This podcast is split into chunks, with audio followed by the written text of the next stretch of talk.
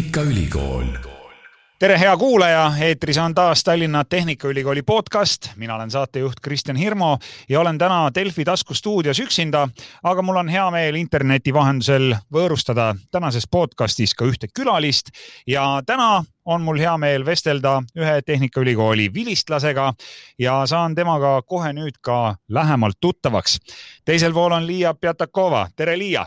tere salvestame tänast podcasti distantsilt interneti vahendusel ja nii nagu viimastel aegadel, kui mul ei ole võimalus olnud siin stuudios neid külalisi võõrustada, siis olen ma ikka uurinud, et kus meie külalised asuvad ja millega nad tegelevad. kus sina, Liia, hetkel oled? mina hetkel olen oma kodusöögilaua taga. see on ainuke koht, kus mul on selline ilus valge taust, mis näeb tagavaates viisakas välja. nii et täitsa söögilaua taga olen et see ongi sinu põhiline töökoht praegu, kui tuleb ilmselt teha ka hästi palju sellist kaugtööd ja, ja distantsilt äh, oma ülesandeid täita, et, et see on siis nii-öelda sinu kodukontor. jah, mul on kodukontoris, ma arvan, niisugune neli head kohta, kus tööd teha. see täiesti oleneb sellest, mis ülesanded mul on. et kui on vaja midagi loomingulisemat teha, siis ma võib-olla istun hoopis köögisaare taga. kui on vaja teha midagi äh, sellist, kus mu tagataust peaks olema viisakas, siis ma istun söögilaua taga me räägime siin täna Tallinna Tehnikaülikooli vilistlasega ja teeme kohe sotid selgeks, mida sina TalTechis õppisid ja millise eriala oled lõpetanud? mina lõpetasin TalTechis ärinduse eriala ehk siis majandusteaduskonna üks erialasid oli see. ja mina käisin veel tol hetkel TTÜ-s, nii et see TalTechi sõna on minu jaoks selline veel natuke võõras, et ma võib-olla täna mõnikord eksin sellega. võime rääkida ka Tehnikaülikoolist, aga mis sinu täpsem eriala on, et eh, mida seal majandusteaduskonnas siis õppisid ja millal lõpetasid uh,? ma läksin kaks tuhat kaksteist sügisel, mis tähendab seda, et ma pidin lõpetama siis kaks tuhat kuusteist ja ma õppisin siis äh, turunduse spetsialiseerimisega ärinduse eriala, mis tähendab seda, et äh, mul oli väga palju majandusaineid, aga lisaks oli ka väga palju turundusaineid sealjuures. kuidas sa selle turunduse juurde jõudsid, kas sul oli juba enne ülikooli minekut nii-öelda siht silme ees ja, ja erialavalik tehtud või, või tuli see kuidagi õpingute käigus? no ta tuli nii ja naa. Äh, ma teadsin kindlalt, et mulle meeldib inimestega suhelda mis tähendab seda, et see eriala pidi kindlasti olema pikas perspektiivis seotud inimestega ja inimestega suhtlemise ümber, mis tähendas seda, et ma teadsin, et suure tõenäosusega ma näiteks raamatupidamist äh, ise igapäevaselt teha ei taha. küll aga ma teadsin, et mulle väga meeldivad numbrid, mis tähendab seda, et äh, majanduse ala just nagu esimese haridusena tundus minu jaoks kõige parem suund. sest et mul oli võimalus vaadata majanduse valdkonna laiemalt ja otsustada, mis on see täpsem suund, mis ma seal teha tahan samas ma teadsin, et turundus võiks olla see suund, millega edasi minna, aga ma ei olnud päris täpselt kindel, et kas see on nüüd see suund, millesse ma julgeks, ütleme, oma terve elu investeerida. no aga kuidas läks, ülikool sai lõpetatud ja kas sa jäid selle valdkonna juurde, mida sa õppisid? jäin küll ülikool sai lõpetatud ja ma pean tegelikult ausalt tunnistama, et juba esimestel, esimese semestri käigus ma teadsin päris täpselt, et okei okay,, et see turunduse suund on ikka väga mulle et seal on palju numbreid, seal on palju matemaatikat, samas väga palju rääkimist ja loomingulisust ka. et ma tõesti jäin väga rahule täna sa töötad sellises toredas kodumaises ettevõttes nagu Bolt ja, ja turundus ongi sinu, sinu eriala Boltis. räägi lähemalt oma tööst ka, et, et mis sinu igapäevatöö on? ma arvan, et mul on väga raske sõnadesse panna või paari lausesse panna seda, mida ma Boltis igapäevaselt teen aga ma võin käsi südamel öelda, et ähm, see on hetkel minu unistuste töökoht. mul on ainulaadne võimalus äh, juhtida rahvusvahelist turundust, äh, kogu Bolt Foodi turundust üle Euroopa ja Aafrika läbi kümnete ja kümnete erinevate riikide ja linnade, mis on minu arust lihtsalt vapustavalt põnev äh, igapäevane töö aga kas see ei too endaga kaasa ka üsna suurt vastutust muidugi, vastutus käib asja juurde, aga samas, kes ei võta vastutust, see šampust ei joo. nii et äh, vastutust on kindlasti väga palju, aga samas äh, ma arvan, et see võimalus avastada erinevaid kultuure, erinevaid võimalusi, erinevaid lähenemisi, turunduse telgitaguseid, kui võib-olla niimoodi öelda startup'i puhul, see on lihtsalt nii väärt seda äh, räägi, kuidas üldse sellisesse ettevõttesse tööle saab, kas ainult läbi tutvuste või pidid osalema ka mingil konkursil? Ma pean ausalt ütlema, mina ei tea ühtegi inimest Boltist, kes sai läbi tutvuste tööle. Äh, ma tean, et meil laekub üks CV minutis iga päev mis tähendab seda, et meil on hästi-hästi suur konkurents.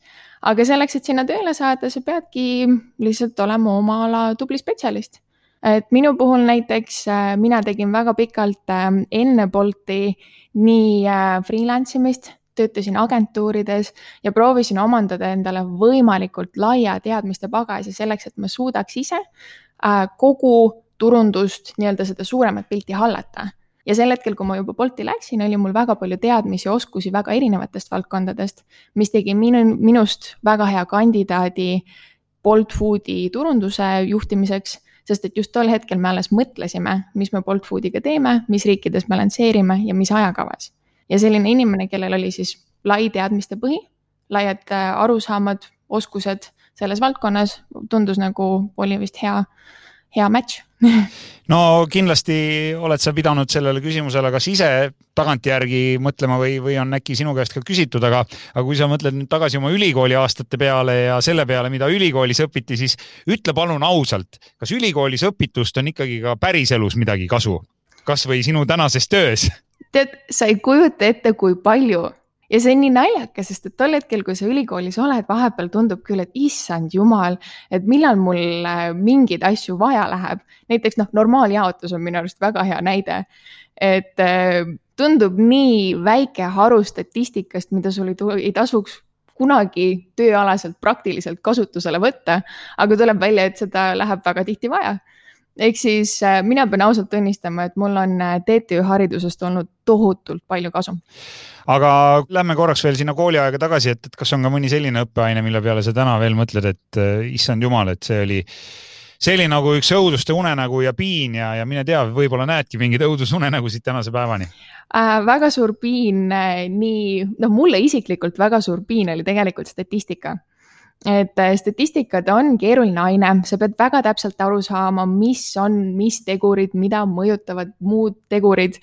ja see tõesti oli väga keeruline minu jaoks. ma pean tunnistama, et statistikast on kasu olnud täpselt samamoodi on näiteks makro- või mikroökonoomika, mis on äh, mul väga paljude koolikaaslastele tekitanud tohutult peavalu ja väga halbu unenägusid. aga huvitav on see, et näiteks mikro- ja makroökonoomikast on mul olnud tööalaselt väga palju kasu et eriti, kui sa teed tööd erinevate riikide kontekstis ja sul on sarnane toode läbi kõikide erinevate riikide, pead sa väga täpselt aru saama, mis on need mikrokontekstis äh, vajalikud tegurid, näiteks ühe riigi kontekstis versus makrokontekstid, mis on siis regiooni kontekst või maailma kontekst. Nii et kuulsad selle kohta, et ülikoolis saab ka sellist laiemat maailmapilti ja asjade ja protsesside omavahelisi seoseid õppida nägema, et, et see, see peab kindlasti paika. ja kindlasti, ma arvan, et äh, bakalaureuse tasemel äh, mingi, ütleme, laiema eriala õppimine annab hästi palju avaramat silmaringi. Ja sa ise võib-olla ei pane tähele tol hetkel, kui sa õpid, kui palju see sulle tegelikult kaasa annab, kui palju see avardab su silmapilti, kui palju paremini sa hakkad asjadest aru saama ja kui palju lihtsamalt saad sa mingites kontekstides võib-olla kaasa mõelda räägime Bolti turundamisest ka natukene. no siin uudistestki on ju läbi käinud, et nendes riikides, kus Bolt toimetab, te ikkagi üritate konkurentsis püsida ja, ja kohati on läinud see väga-väga hästi. viimati mulle meenub äh, Londonis äh, äkki olid isegi suured reklaamid linnas ja Londoni metroos, et, et kas see on ka nii-öelda otseselt sinu töö või on, või on sul veel suurem tiim, kelle, kellega sa koos töötad? Mm, meil Boltis on äh, tegelikult tiimid üsna jaotatud turunduse kontekstis. et meil on eraldi tiimid, kes tegelevad sõidujagamisteenusega, meil on teised tiimid, kes tegelevad näiteks skuutritega ja konkreetselt minu tiim tegeleb siis toiduga et äh, mis puudutab seda eestikeelset Londoni reklaami, siis see oli tõesti hästi andekas suund minu arvates. et äh, kasutada just neid täpitähtidega sõnu, näiteks säästlik, mis äh, jäi kindlasti väga Londoni kontekstis äh, silma kasutajatele aga mis on üldse sinu valdkonnas sellised äh, tulevikutrendid või kui me võtame kasvõi mingi lähema aasta, aasta-paari, kolme või viie ideed ja sellised tulevikumõtted, siis mille peale kasvõi teie ettevõte mõtleb, et, et kuhu suunda see turundus liigub? ma arvan, et see on väga hea küsimus, eks kõik ettevõtted ühel või teisel määral üritavad tulevikutrendidest kuidagi äh, ette hüpata uh,. mis kindlasti lähima viie aasta jooksul juhtub, noh ja viis aastat ei ole minu arvates üldse pikk aeg siis äh, viie aasta jooksul äh, läheb rohkem fookust numbrite peale. et me juba täna näeme, et väga paljud turunduse valdkonnad on muutunud hästi numbritepõhiseks, ehk siis näiteks täna turunduses on väga populaarne sõna performance ehk siis performance marketing ehk siis äh, just nii-öelda nagu numbritepõhine turundus on miskit, mis on väga tavapärane. Aga eks seda juhtub järjest enam, ehk siis see valdkond kindlasti areneb järjest rohkem. Mm, mis puudutab kümmet aastat, siis äh, raske öelda, kümne aastaga muutub nii palju, kui sa mõtled tegelikult, siis alles kaks tuhat seitse vist tulid äh, esimesed smartphone'id. ja mis selle aja jooksul juhtunud on, et kümne aasta mõttes ma arvan, et kõige lihtsam tulevikutrend või kõige tõenäolisem tulevikutrend on see, et äh, inimesed peavad oskama ja aru saama numbritest, mida numbrid tähendavad ja mis on nende numbrite mõju sinu ettevõttele. ja võib-olla samamoodi tulevikutrendiks on äh, oma ala analüütikud ehk siis sul on turundusanalüütik, sul on võib-olla mingi veebianalüütik ja nii edasi, et sul on hästi palju inimesi, kes vastutavad numbrite ja nendest aru, nende eest arusaamise eest võib-olla no praegu muidugi need inimesed, kellele numbrid väga ei meeldi, kuulavad meie juttu ja muutuvad natukene kurvaks, aga, aga eks leidub neilegi kindlasti rakendust ja, ja turundus on ju tegelikult ka hästi selline loominguline valdkond, et eh, ega seal ju ei piisa ka ainult eh, numbritest ja, sellest analüüsivõimest, et, et turundus tahab ka häid ideid ja, ja selliseid eh, üsna hulle ja crazy sid lahendusi ja lähenemisi, noh, seesama sinu poolt juba mainitud Londoni eestikeelsete tekstidega, täpitähtedega Bolti reklaamid.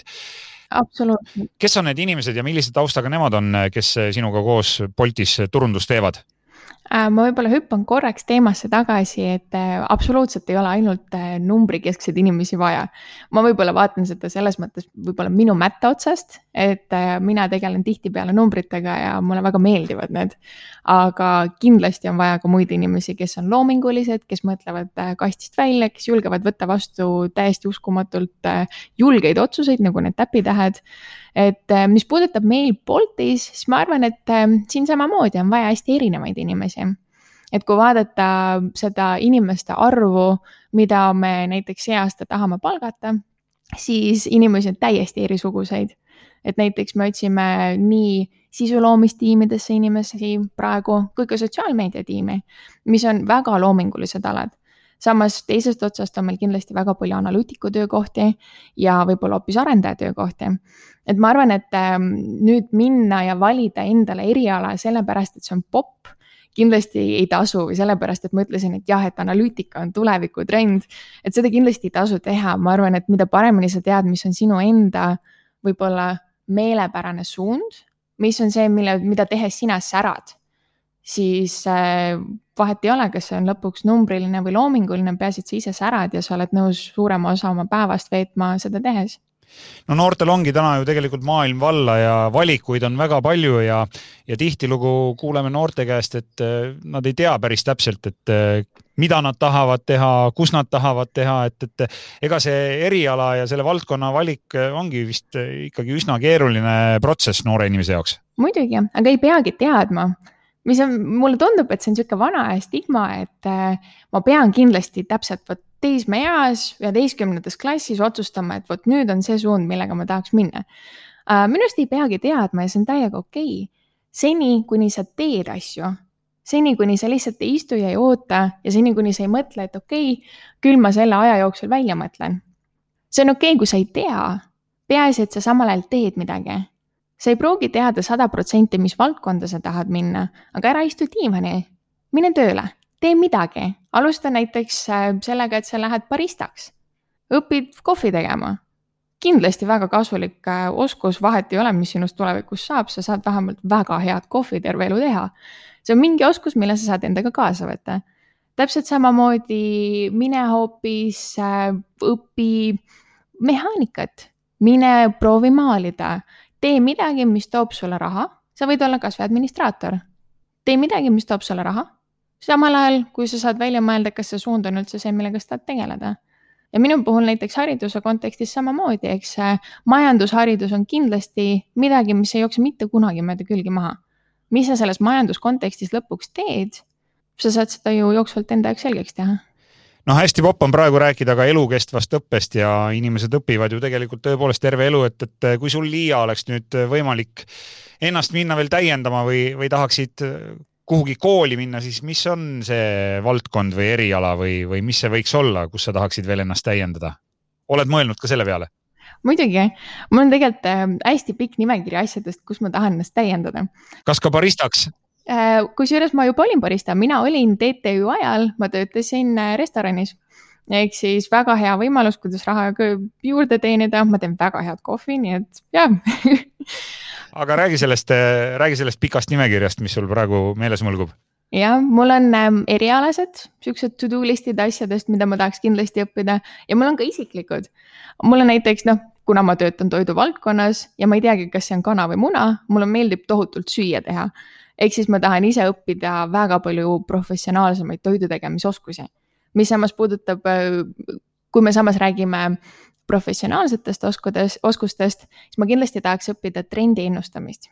see on miskit, mis on äh, väga nišivaldkond ta on äh, sisuliselt laiem analüütiline lähenemine makrotrendidele, mis võimaldab sul siis mm, laiemat pilti analüüsides kokku võtta need tulevikutrendid, mis on siis järgmise kümne aasta go-to kohad. No kõlab väga-väga põnevalt, analüütiline trendi ennustamine, nii et, et kui keegi tunneb, et tal on samasugune kirg et äh, mingeid asju nii-öelda ette näha, siis võib Liiaga ühendust võtta ja saate äkki koos õppima minna. ma võib-olla korra segan sulle vahele, ütlen no., et äh, ma ei ole nüüd meeletu mingi numbrite matemaatik, et see on miskit, mis on mul nagu tööalaselt kaasa tulnud ja ma avestasin, et numbrid pole pooltki nii keerulised ma ei tee regressiooni analüüsi iga päev, absoluutselt mitte. parimal juhul, mis ma teen, ma vaatan protsente ja muutusi ja trende ja nende põhjalt ma oskan äh, mingeid asju kokku võtta või mingeid otsuseid vastu võtta. et ma jumala hästi tahaks kedagi ära ehmatada selle trendi ennustamise ja analüütikaga. ma arvan, et see on kindlasti ülipõnev valdkond. et eh, näiteks minu jaoks üks inspiratsioon on eh, üks naisterahvas, kes ennustab poppe autovärve, mis lähevad moodi alles kümne aasta pärast mis annab tehastele võimaluse kümne aasta jooksul välja mõelda, kuidas neid autosid siis õiget värvi värvida no tundub väga põnev valdkond.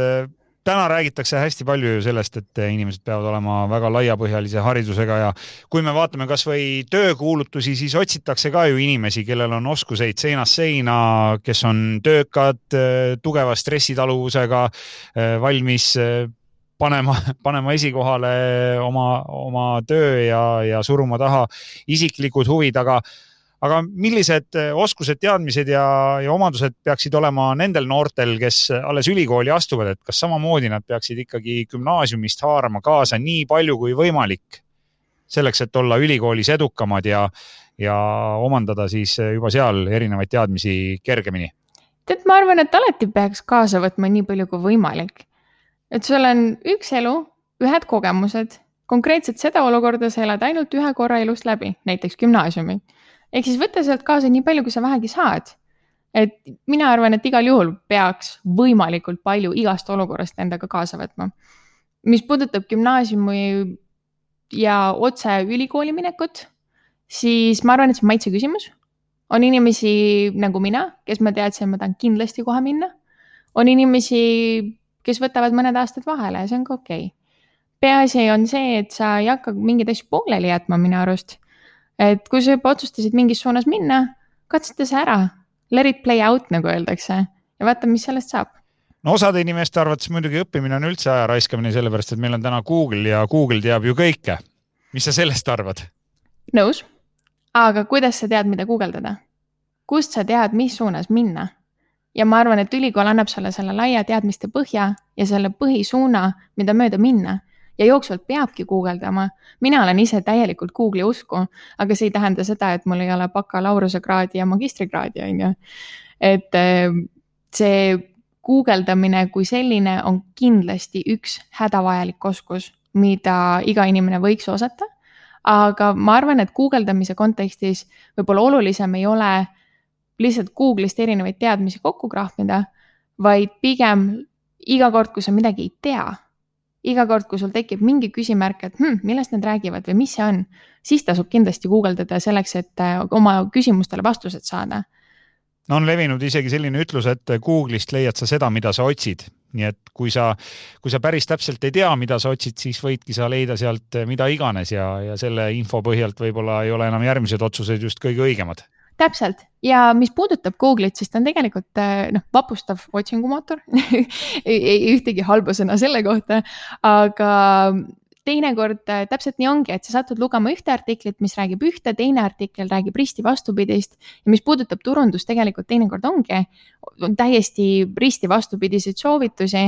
Ja kui mul endal ei oleks nii, nii suurt kogemust taga, ega ma ei oskaks arvata, kumb on nüüd õigem või kumb on nüüd valem, aga sul ei ole aega, et kõiki asju läbi proovida ju kas sa ise oma töös kasutad ka Google'it tihti või kui kõva guugeldaja sa üldse oled?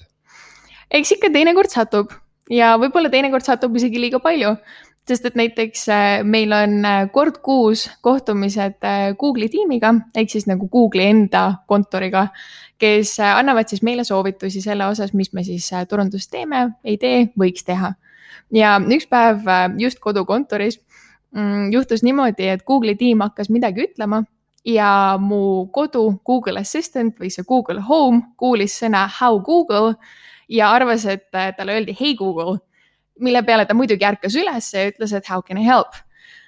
et äh, noh, paistab, et võib-olla olen isegi liiga sage Google'i kasutaja et oli siis selline huvitav ja võiks isegi öelda, et harukordne juhus, kus sinu kodune Google'i seade aktiveerus Google'i töötaja jutu peale ja tead, see on vist üks neid, mitte kunagi elus ei juhtu sellist olukorda. aga see oli täpselt see olukord, mis juhtus, ma poleks kunagi arvanud, et ma satun esiteks Google'iga laua taha. teiseks, et mu enda Google Assistant otsustab vahele segada no see on tõesti päris lõbus lugu käime kiiresti üle veel äkki mõned punktid, mida tahaksid ülikooli sisseastujale südamele panna, et on sul, on sul mõni selline hea soovitus veel või, või kui sa mõtled kasvõi oma ülikooli aastate või oma eh, gümnaasiumi aja peale, et, et eh, kas on äkki mõni selline asi, mida sa soovitaksid hoopis mitte teha? ma võib-olla alustaks sellest, mida ma soovitaks teha. ma olen avastanud, et mingid asjad, mis mina olen oma ülikooli aja jooksul teinud, on mulle täna väga palju kasuks tulnud. ja just mingid suunad, mis tunduvad lihtsad ja võib-olla isegi ilmselged, aga nad on mulle tohutult hästi välja mänginud aja jooksul. aga kas on ka midagi sellist, mille peale sa täna mõtled, et pagan, et seda ma ei oleks pidanud või võinud ise teha? tead, mina tahtsin väga minna vahetusaastale. ja mul oli mingi täiesti tohutu kinnisidee, et ma tahan minna Itaaliasse vahetusaastale aga tol hetkel, kui ma hakkasin Erasmusega toimetama ja hakkasin vaatama erinevaid ülikoole, siis mul kuidagi Itaalia mõte enam ei meeldinud ja nüüd ma natuke mõtlen, et ah, oleks olnud äge aasta aega veeta Itaalias, õppida itaalia keelt, nautida, ma arvan, et hommikuks, lõunaks ja õhtuks pitsat. ja oleks võib-olla olnud väga kihvt kogemus. samas ma pean tunnistama, et see, kuidas minul kõik välja mängis, just see, et ma ülikooli kõrvalt tegin tööd, läksin täpselt selles suunas edasi, tegin asju, mis mulle meeldisid ja samas, mis olid väljakutsuvad. Äh, see mängis väga hästi välja, nii et võib-olla, kui ma oleksin selle aasta Itaalias veetnud, võib-olla ma oleks liiga äh, sellesse äkki ära armunud, ma ei tea. Aega tagasi ei saa keerata, nii et, et ega me ei saagi teada, et kas need otsused olid õiged või mitte. Absoluutselt, ma lihtsalt võib-olla paneks kuulajatele südamele, et kui sa oled täna ülikoolis ja mõtled, kas minna Erasmusele või mitte, siis võib-olla mõtle ühe korra veel, äkki minna. see on hea soovitus ja ma usun, et kogu meie jutt eelnevate minutite jooksul on eh, kasulik kuulata läbi eelkõige neil, kes tahaksid juba järgmisel aastal ka ülikooli astuda. igal juhul suur-suur tänu sulle, Bolt Foodi turundusjuht Liia Pjatakova, aitäh! aitäh kutsumast! et lõid kaasa täna Tallinna Tehnikaülikooli podcastis Tallinna Tehnikaülikooli podcasti saab kuulata Delfi taskulehelt tasku.delfi.ee ja loomulikult ka Spotify'st, SoundCloudist ja iTunesist. mina olen saatejuht Kristjan Hirmu ja püsige terved.